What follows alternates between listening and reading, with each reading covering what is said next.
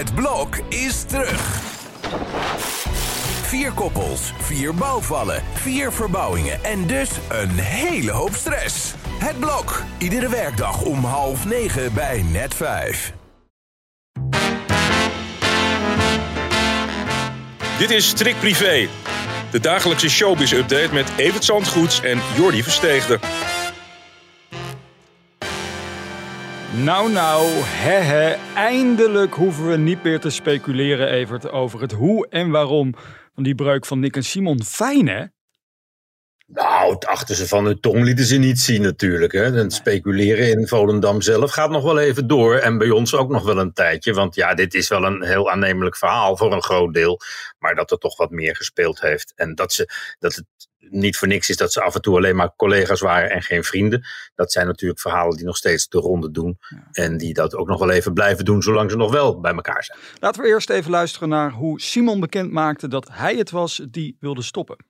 Bij mij is de lol al een tijdje weg. Voor mij uh, voelde ik tijdens, uh, tijdens de wereldreis die ik maakte met mijn vrouw en mijn dochter in 2020, net, net randje corona was dat, had ik zo'n ultiem gevoel van vrijheid. Maar tegelijkertijd voelde ik een blok in mijn maag van ja, als we terug zijn, dan begint, dat, dan begint het riedeltje weer. Het was voor het eerst dat ik eigenlijk geen zin had in, in, in Nick en Simon. Ja, aan de ene kant een plausibel verhaal, maar ja, ik heb gewoon de hele avond zitten kijken naar hoe Nick daar met een lange sik zat. Eigenlijk Simon bijna niet aankeek, verveeld daar zat misschien wel. Ben jij een lichaamstaalexpert eigenlijk, Evert? Kun jij daar iets over zeggen? Nee, nee, maar de koek is op, jongens. En dat zeggen we al een hele tijd. En dat is het ook. En dat zag je ook. En dat blijkt ook uit dit verhaal. Dat hij verveeld was, dat hij het zat was, dat hij er tegenop zag. Ja, dat is natuurlijk geen lekkere manier, ook voor het publiek niet, om naar je idolen Nick en Simon te kijken.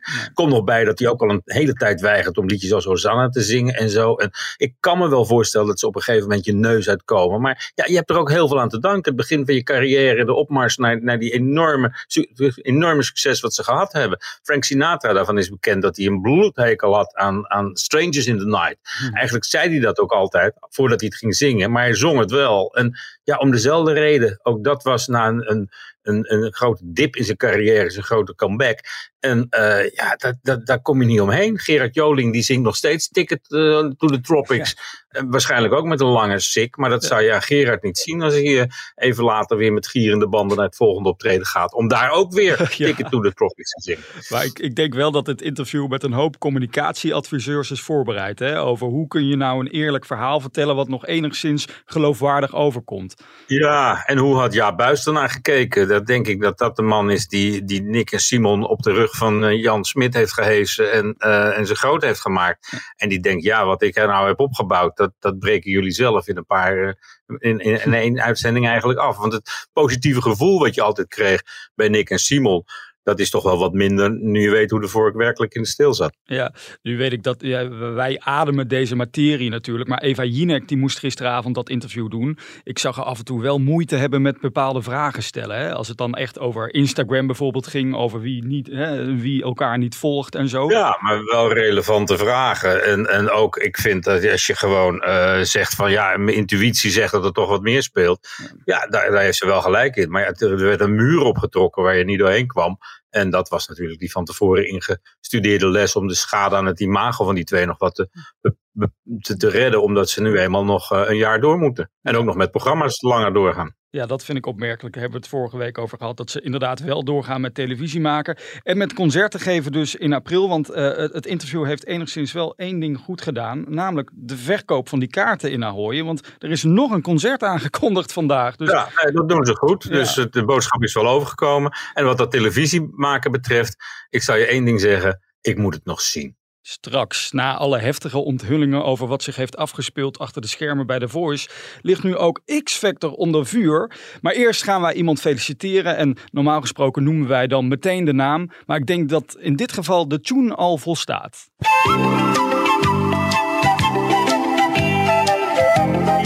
Ja, eigen huis en tuin, dat mag duidelijk zijn. Rob Verlinde is De jarig. tuinman.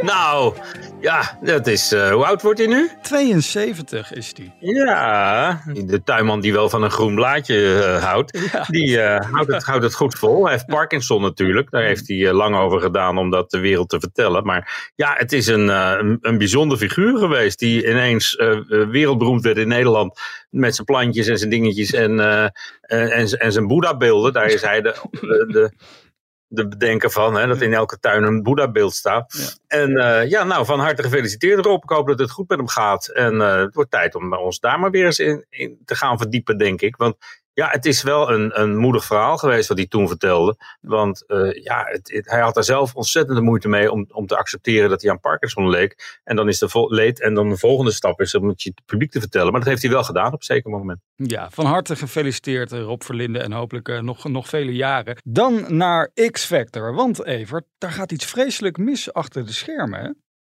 Nou ja, er zijn een paar kandidaten die elkaar achter de schermen zijn tegengekomen van verschillende seizoenen. Hun namen zijn nog niet bekendgemaakt, maar die hebben met elkaar een advocaat in de arm genomen om samen op te trekken tegen Simon Cowell. Simon Cowell is natuurlijk de bedenker van de, van de grote wereldwijde tv-succes, maar ook de producent ervan. En hij is degene die eh, ja, het gezicht is van, van X-Factor.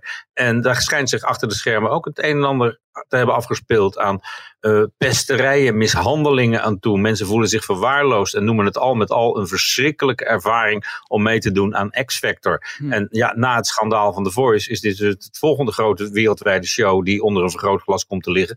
En waarover de onthullingen ons de komende tijd wel zullen bezighouden. Want ja, het kwam gisteren pas naar buiten. Het is pas het begin van deze rel. Deze rel die een hele grote lijkt te worden. Ja, denk je dat die mensen die hè, die aanklacht hebben gedaan, dat die geïnspireerd zijn door de mensen die in Nederland naar voren zijn gestapt?